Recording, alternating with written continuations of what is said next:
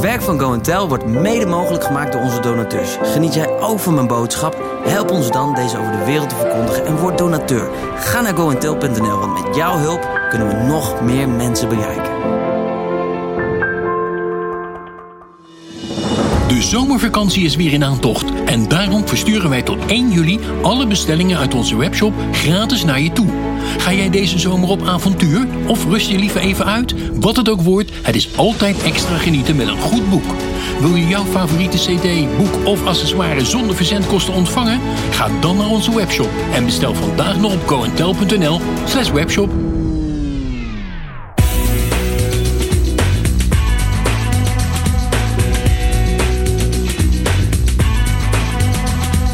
Leuk dat je luistert. Het getrouwde leven kent uitdagingen. Daar weten David en Joyce alles van. In deze podcast delen ze hun persoonlijke ervaringen en leerpunten met jou. In deel 1 van Getrouwd zijn.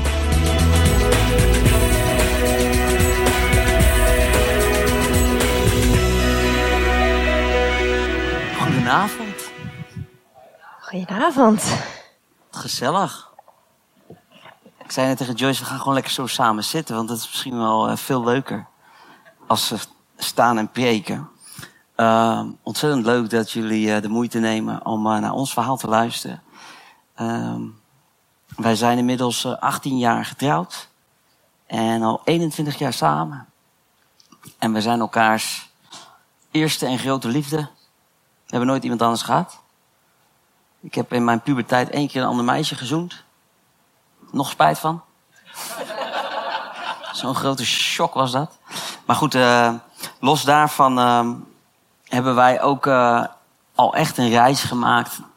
Denk ik van een heel mooie, onbewuste relatie naar een bewuste relatie. Van een onvolwassen relatie naar een volwassen relatie. En de onvolwassen relatie is eigenlijk vergelijkbaar met um, dat je bepaalde patroontjes samen opbouwt. Omdat je nou denkt, die ander is nou eenmaal zo. Uh, maar dat je nog niet heel bewust gekozen hebt om ondanks die dingetjes ook elkaar trouw te blijven. En in plaats van dat te gaan ontwijken, eigenlijk meer toegroeit naar elkaar. Om te kijken, hey, hoe kun je dat bij elkaar verzachten? Dus ik zag van de week een uh, quote op het internet van iemand die schreef... De weg naar een gelukkige relatie is door een tunnel van conflicten. En vroeger dacht ik, ja, dat is alleen als je vrouw een trut is, weet je. Dat, uh... je hebt het niet zo één als ik. Ik heb het echt uh, getroffen. En dat vind ik nog steeds. Maar ook wij moesten door die tunnel van conflicten. En uh, het mooie is, als je begrijpt wat de basis is van ieder conflict, dat daar een behoefte onder ligt. Dat is het namelijk altijd. Bij de een of bij de ander. En als je leert over die behoeftes in kwetsbaarheid te communiceren, in plaats van, uh, dan kun je echt op verbindend niveau heel erg naar elkaar toetrekken. Ook als het moeilijk is en als er allerlei stemmen rondom je relatie zijn van buitenaf, familie en dingen die wat vinden, of patroontjes in het ene gezin en het andere gezin. En ik denk dat wij uh, samen veel geleerd hebben. En uh, Joyce doet de kick-off. Ik vond het wel leuk dat er net stond uh, Joyce en David. Dus de nadruk ligt op jouw verhaal. Ja, dat is meestal andersom. Dus um, take it away. Ja, helemaal leuk. Ik vind het een eer om het samen te doen met David. Meestal uh, sta jij op het podium. Uh, en uh, ik natuurlijk ook wel eens voor het een of het ander, maar niet vaak samen. Dus het is ook voor jullie denk ik een unieke gelegenheid om eens een keer samen te zien bewegen. En ehm, ja, ik mag beginnen. Wat David al zei, we zijn inmiddels 18 jaar getrouwd. En dat is al heel, heel, heel wat, vind ik. Vroeger vond ik het al heel wat als we dat ik kon zeggen, we zijn een jaar getrouwd, maar ineens uh, ben je 18 jaar getrouwd. Dat herkennen jullie waarschijnlijk wel, uh, sommigen van jullie, dat dat heel snel kan gaan. En um, ja, ik heb gemerkt in die 18 jaar dat, uh, dat er altijd wat te leren valt over, over David. En ik denk dat het voor jou andersom net zo geldt. Je raakt eigenlijk nooit uitgeleerd over de persoon die naast je leeft. En um, ik weet dat ik vroeger, uh, toen ik net trouwde, dan had je die bekende uitspraak van, uh, nou ja, weet je, je moet altijd werken aan je relatie. Het is altijd, uh, nou ja, hard werken om je relatie goed te houden en nou, een goede band te houden met elkaar. En ik merkte dat ik dat zelf altijd een beetje invulde als zijnde van, nou, dan moet je maar gewoon heel veel tijd in elkaar steken en leuke dingen samen doen. En nou, dat, dan hou je een goed huwelijk. En uh, ik denk dat wij het ook heel veel jaren zo prima hebben volgehouden. We zijn ook echt elkaars beste maatjes van jongs af aan. We kunnen heel goed praten, allebei. En ik zie dat echt als een uh, enorm voordeel. Dat we goed kunnen praten en ons hart kunnen luchten. En desnoods tot s'nachts doorgaan.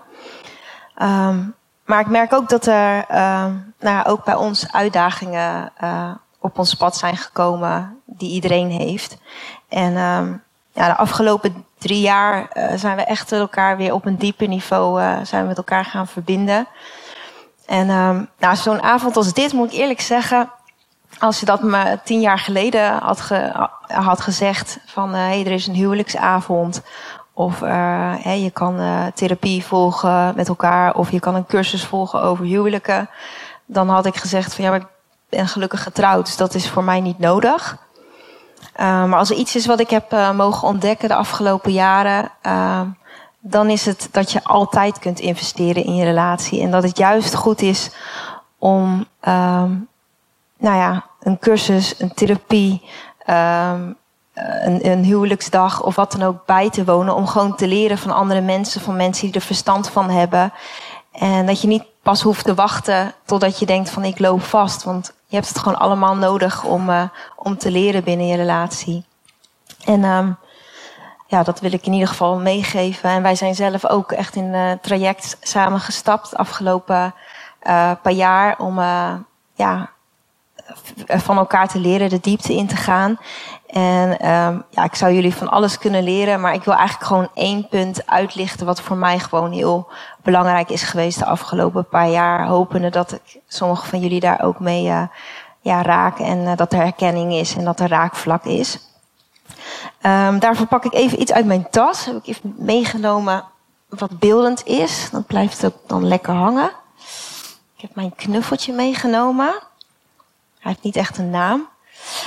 Maar uh, deze knuffel heb ik gekregen toen ik uh, nog op de middelbare school zat. En uh, ik had een vriendinnetje van mij die. Uh, ik ging verhuizen, zeg maar, van Leerdam naar Vlissingen. En toen gaf ze mij die mee, zeg maar. Ik was toen nog een jaar of veertien en die heb ik eigenlijk altijd bewaard. Ik heb alle andere rommeltjes weggegooid. Maar deze knuffel, ja, die blijft belangrijk voor me. En zeker de afgelopen drie jaar is die belangrijk, wil ik niet zeggen, maar hij is heel symbolisch voor me geworden. En uh, dat is omdat, ik, um, omdat wij samen in de therapie um, iets heel belangrijks hebben geleerd. En dat is dat in een relatie, en sommigen van jullie zullen het misschien weten, is er vaak sprake qua communicatie van een schildpad en een chimpansee. En ik heb drie keer raden wie ik dan ben. Het zijn symbolische diertjes die natuurlijk afgebeeld worden. En nou ja, jullie raden het waarschijnlijk al meteen goed. Maar uh, ik ben van nature ben ik de schildpad. Um, maar ik moet er wel eerlijk bij zeggen, dat hebben wij ook netjes geleerd van de therapie, dat, um, dat je in een relatie zowel de rol van de schildpad als de rol van de chimpansee in kan nemen. Dus af en toe kan ik ook de chimpansee zijn. En geen ene rol is trouwens verkeerd, hè? dus uh, voel je niet, uh, zeg maar. Uh, minder als je een schildpad bent of te veel als je een chimpansee bent. Het gaat even om de dynamiek in de communicatie, zeg maar.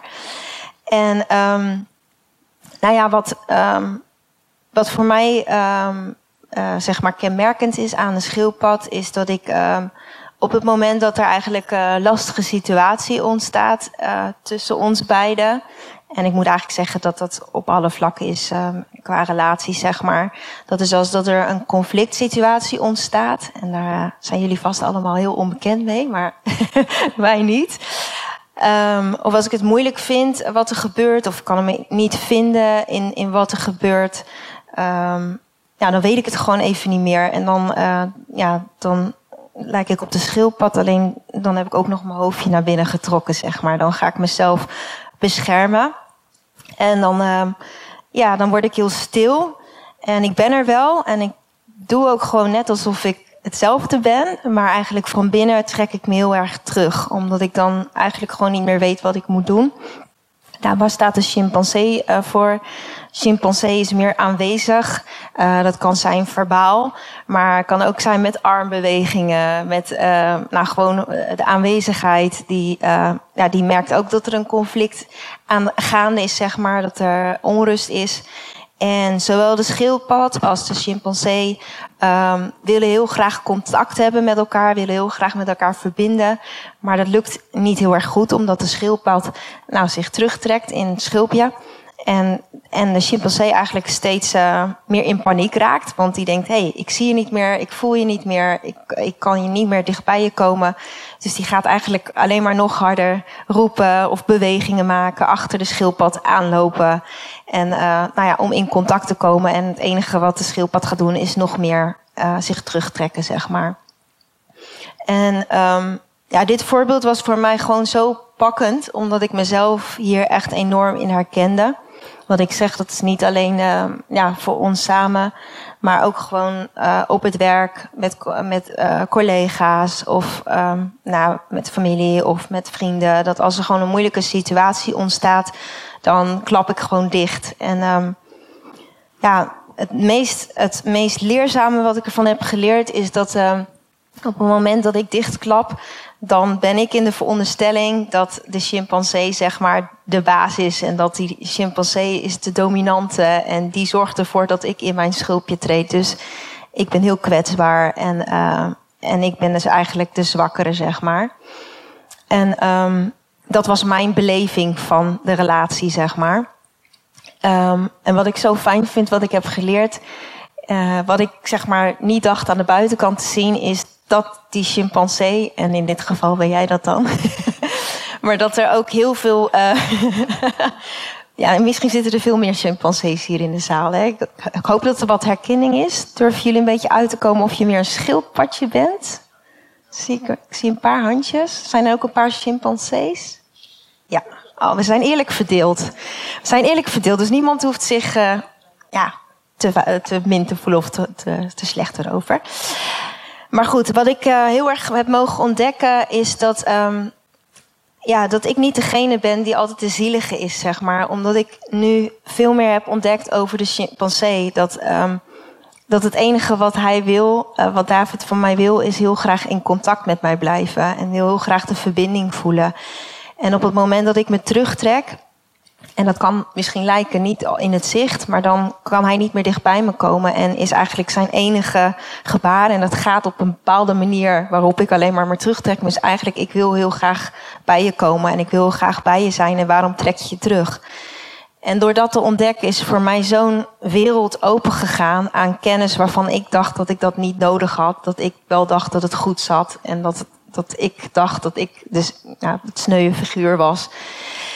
En dat ik heb ontdekt dat een schildpad ook heel dominant kan zijn. Want door je terug te trekken in je schild, uh, neem ook jij een uh, hele dominante positie in. Want iemand kan niet meer bij je komen. En dat is ook een bepaalde machtspositie die je hebt. Ook al heb je het niet zelf door. En um, nou goed, dan denk je dat leer je eventjes hè, tijdens een paar therapiesessies dat dat zo werkt. En dat het eigenlijk zo terugkomt in elke relatie. Uh, en daar kan je dan heel veel mee. Dus je gaat heel verrijkt naar huis. Maar tegelijkertijd merkte ik dat dat voor mij echt het begin van een heel diep proces was. Omdat, um, omdat het is één dat je dichtklapt en dat je eigenlijk niet je woorden, geen woorden kan geven aan je emoties. Maar het is nog weer een stap verder om te kijken waarom dat niet bij je lukt. He, want ik merkte van oké, ik moet dus woorden geven aan mijn emoties. Maar ik weet, op het moment dat het gebeurt, dus dat ik dichtklap, dat er een, een conflict ontstaat tussen ons, dus wrijving, dan voel ik gewoon, hé, mijn hoofd slaat helemaal op hol. Ik kan niet meer goed nadenken. Ik raak in de war, ik wil alleen zijn. Ik wil gewoon even ruimte. En dan hoop ik dat het wel weer sust. Maar daar stopt het eigenlijk. En vervolgens heb ik echt een heel diep traject moeten bewandelen... waarin ik moest leren om mijn emoties te omarmen, zeg maar. En ben ik ook wel een stukje de diepte ingegaan. Een stukje naar mijn verleden. Waarin ik eigenlijk achter kwam dat ik heel erg van positieve ben, heel erg van leuke plezier. Um, hè, ben ik verdrietig, dan schijnt morgen wel weer de zon. praat ik mezelf wel weer moed in. En dan gaan we ervoor. En ik geloof ook echt dat dat mijn kracht is. En dat dat iets is wat ik uh, nou, van God heb gekregen. En mensen noemen me niet voor niets de hele dag Joyce. Dus ja, dan ben je ook de hele dag blij. dat helpt ook niet dan, zeg maar. Ben ik heel blij om wel, maar ik merk dat het me wel in de weg staat om soms uh, ruimte te geven aan uh, dingen die pijnlijk zijn en die je eigenlijk liever niet onder ogen wilt zien of waar je eigenlijk liever een nachtje over slaapt en heel gauw wil vergeten. En um, ja, om te blijven, om zeg maar niet het contact te verliezen, um, was de stap niet dat ik gelijk contact met David ging maken en gelijk ging vertellen, maar was eigenlijk eerst contact maken met mijn eigen emoties en, en mijn eigen gevoelens leren kennen en erkennen dat ze er zijn en, en ze welkom heten, dat het goed was. En nou, dat was voor mij zo'n andere mindset. En dat vroeg van, van David ook heel veel, uh, heeft denk ik ook heel veel geduld gevraagd. Uh, want op het moment dat we het herkenden van hé, hey, het gebeurt weer, uh, je trekt je terug, ik kan, uh, hè, ik kan nu niet bij je komen, je bent nu die schildpad, wat gebeurt er? Ja, heb ik zo diep moeten graven en, en probeerde me eigenlijk mijn, mijn standaard systeem te zeggen van hé hey, joh, dat is helemaal niet nodig en kom op, morgen is weer een goede dag. En ik heb echt tot op het bot toe, en, jij hebt het echt meegemaakt bij mij, uh, hoe ik daar doorheen ben gegaan om, uh, om bij dat gevoel te komen. Tot de tranen kwamen en het verdriet en nou, de pijn ook gewoon naar boven van dingen die je soms wel eens gemist in het verleden, om daar aandacht aan te geven. Maar inmiddels kan ik zeggen dat, dat we nou ja, alweer flinke tijd verder zijn. En dat ik, ik ben er nog niet. En ik geloof ook dat het echt een hele reis is om daar te komen. Maar inmiddels ehm, ja, merk ik dat het me steeds beter lukt. En dat het dus niet alleen maar is dat ik mijn eigen emoties mag omarmen en gewoon mag erkennen, hé, hey, ik voel me rot. Uh, maar dat ik daardoor ook in verbinding kan blijven. En daar waar ik eerst altijd zei van, hé, hey, uh, ja, jij geeft me gewoon een vervelend gevoel. Het is omdat jij dat zei, of het is omdat jij dat deed. Um, ja, kan ik nu afdalen diep van binnen, wat is er aan de hand? En vaak kun je het dan ook in andere woorden brengen bij je partner dan dat je met verwijten komt. Van hé, hey, maar jij, ja, doordat jij dat hebt gedaan, daardoor voel ik me zo. Maar dat ik meer kan aangeven van hé, hey, dit voel ik erbij. Uh, en dat gebeurt ook trouwens in andere dingen. Zo heb ik bijvoorbeeld met mijn kinderen. Nou ja, ik ben heel erg van orde, structuur thuis. Ik hou van dat het opgeruimd is, dan, uh, dan voel ik me heel fijn thuis. En voorheen, als het dan heel veel rommel maakte in huis, dan, nou, dan bleef ik heel positief. Maar op een gegeven moment dan ontploft je wel een keertje of zo, als het even te veel wordt van, ruim toch je rommel op en uh, het is een chaos hier in huis. En ik merkte gewoon door, de, door deze therapie en door dit te leren, zeg maar, um, niet alleen maar te ontvlammen in woede en uh, te zeggen van, uh, dit is niet goed, dat is niet goed. Maar door gewoon ook tegen mijn kinderen te zeggen van, ik merk dat ik onrustig word als het zoveel om me heen uh, rommel om me heen ligt, dan, dan uh, kan, ik niet, kan ik niet meer goed nadenken. En ik heb die rust gewoon nodig. En ik merk ook gewoon dat zelfs bij mijn kinderen, die gewoon jong zijn. En uh, die dit nog allemaal niet hebben doorlopen over de chimpansee en, en over de schildpad. Dat dat echt gewoon werkt. Omdat ze dan, wat jij ook net zei, omdat ze een behoefte horen in plaats van verwijt. En dit doe je niet goed en dat doe je niet goed. En ook op het moment als ik me alleen voel of, niet begrepen of niet gehoord, dat ik dan ook dat zeg. Van ik voel me alleen of ik voel me niet begrepen of ik raak, uh, of een schema loopt anders op een dag. Daar hou ik ook echt niet van als, als dag. David is heel erg van, uh, van lekker impulsief en uh, oh, het loopt toch anders. We gaan over vijf minuten dit, weet je wel.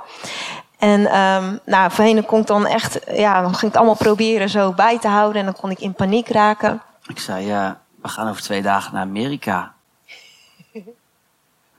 Ja, nou, nou elke vrouw dus die droomt daarvan, denk ik dan, weet je. Dat je man dat regelt. Het, uh, en het eerste wat zij zegt, ja. Uh, en mijn werk. Ik zeg, heb ik geregeld. En de kinderen. Ik zeg, oppas is er al. Het was nog steeds boos. Ze werd pas ontdooide pas ergens boven de Atlantische Oceaan. Maar goed, dat, is, dat heeft dus te maken met hoe zit je in elkaar en wat is je behoefte. Ja. Uh, en voor haar is dat duidelijkheid, structuur, zekerheid en de veiligheid. Dat dat er dan dus ook is. Ja. En tegelijkertijd die avontuurtjes ja. houden het leven wel leuk. Ja, en dat dan, weet je, daar waar ik inderdaad voorheen dus alleen maar die stress uitte naar hem. Dan, uh, kijk, hij doet het nu niet meer hoor, zeggen dat we over twee, twee dagen naar Amerika gaan. Nu neem ik drie dagen. maar op het moment dat er dat zo'n situatie gebeurt en je zegt het, dan kan ik de tijd nemen om te merken van ik raak helemaal in de stress. Het gaat echt niet goed in mijn hoofd, ik krijg hartkloppingen. Maar dan kan ik ook daarbij blijven en zeggen: Oh, ik raak zo'n paniek, mijn oksels worden helemaal nat. En dan voel ik ook dat hij, um, dat hij kan verbinden met mij, omdat er dan geen afstand komt en dan gewoon even een arm om me heen kan, kan leggen en me eigenlijk gewoon kan troosten en zeggen van hé, maar schat, het komt goed. Ik ben bij je en we gaan het redden en geef het me aan wat je nodig hebt. En uh, nou, dat is echt mijn weg in therapie geweest. Het is maar even één dingetje uitgelicht, maar voor mij is dit een heel grote ontdekking geweest. En omdat die dynamiek uh, overal speelt, uh, wilde ik dat wel heel graag delen. Nou, tot slot even hoe ik uh, nou ja, Jezus ook in het geheel uh, hè, want dan zeg je van oké, okay, dit, is, dit is therapie. Wat heeft dit nou uh, met de Bijbel te maken? En uh, is dit allemaal zo geestelijk? En God heeft de schildpad gemaakt, toch? Dat sowieso. Chimpansee ook. Opgelost, Jim.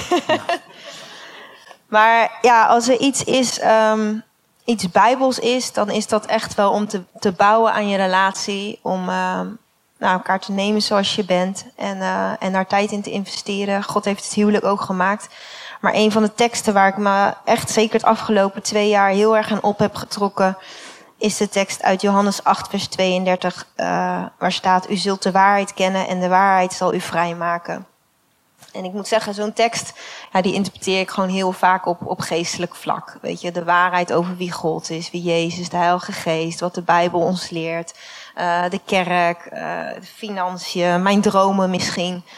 Maar wat is de waarheid over je, over je huwelijk? Wat is de waarheid over, over je, wie je zelf bent, over wie je partner is? Zijn dat hè, punten waar je ook bij stil wil staan, waar je ook aandacht in wil steken, waar je ook, weet je wel, wat, wat je misschien niet ziet meteen als gelijk geestelijk, dat je denkt, ja, maar dat is toch gewoon het huwelijk, het is gewoon het leven samen wat we leven. Maar het huwelijk is echt een weerspiegeling van wie God is.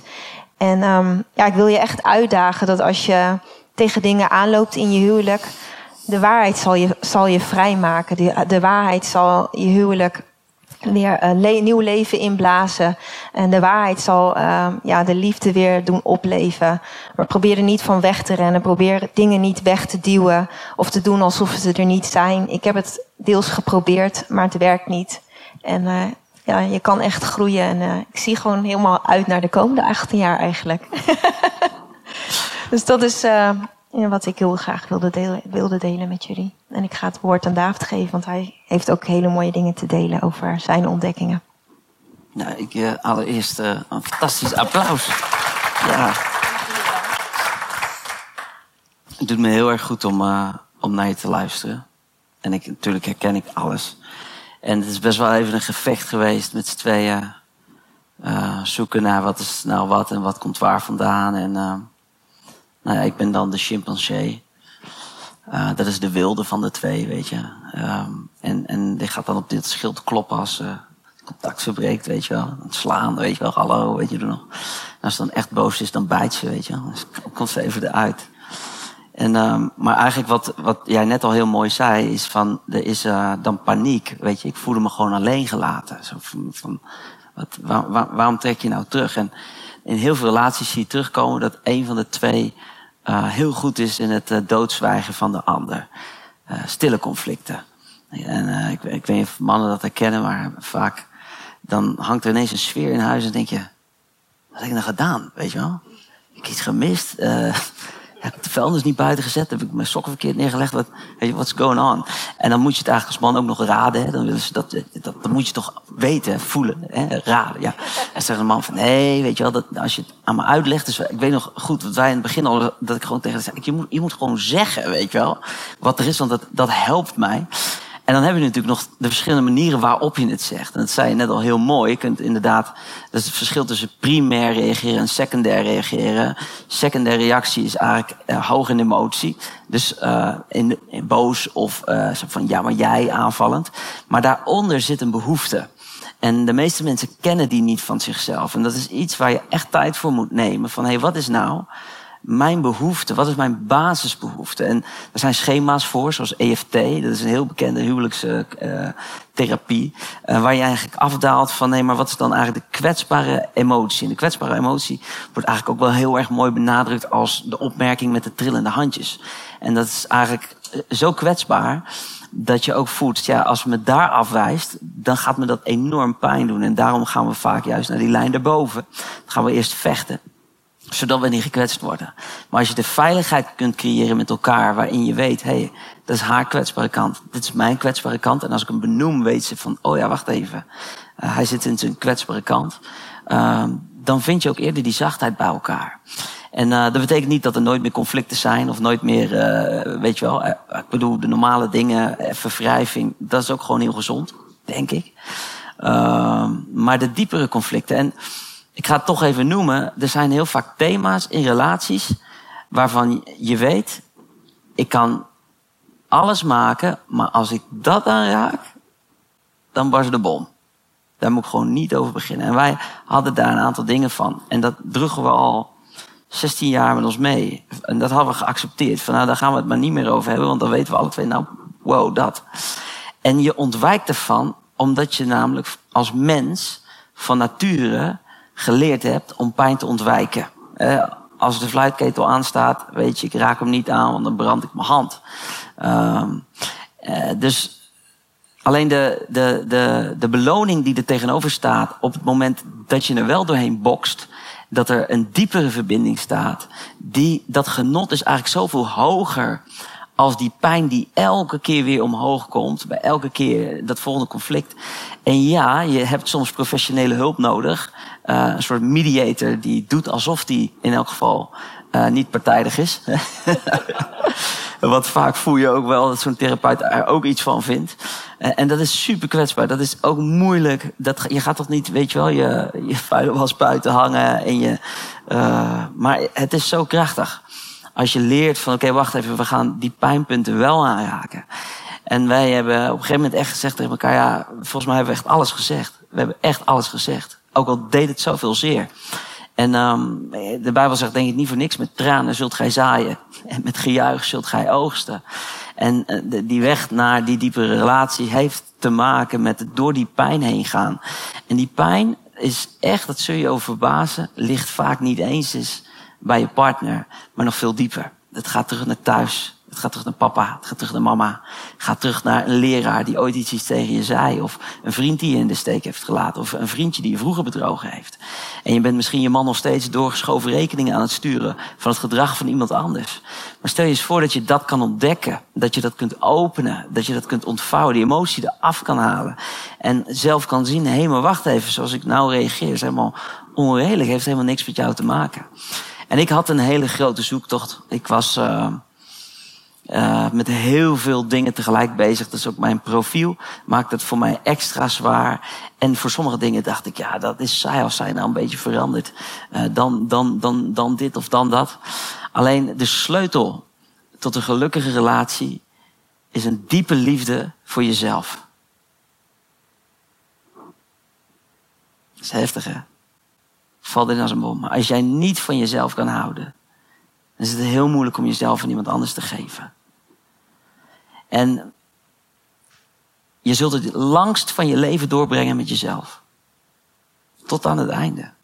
En als je niet met jezelf leert zijn en van jezelf leert te houden, jezelf leert te beminnen op meerdere gebieden, dan is het ook heel moeilijk om dat in de relatie te doen.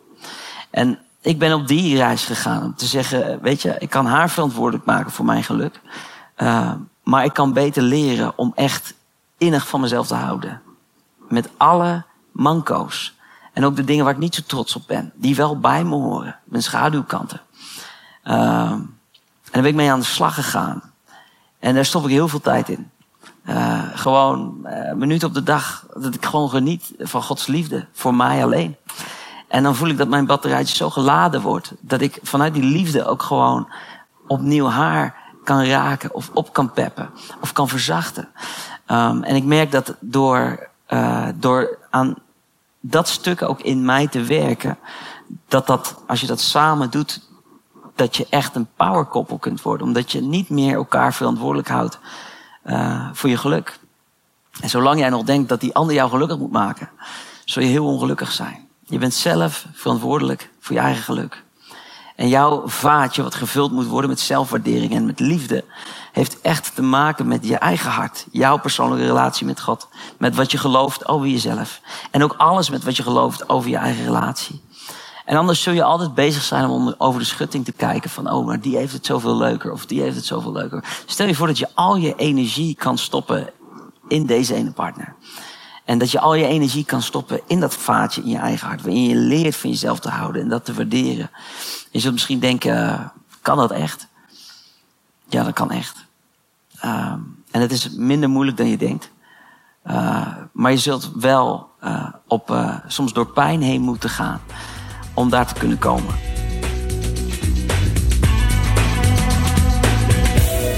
Dat was hem, deel 1 van Getrouwd zijn, waarin David en Joyce hun persoonlijke ervaringen met je deelden. Je reactie is altijd welkom op info.gointel.nl.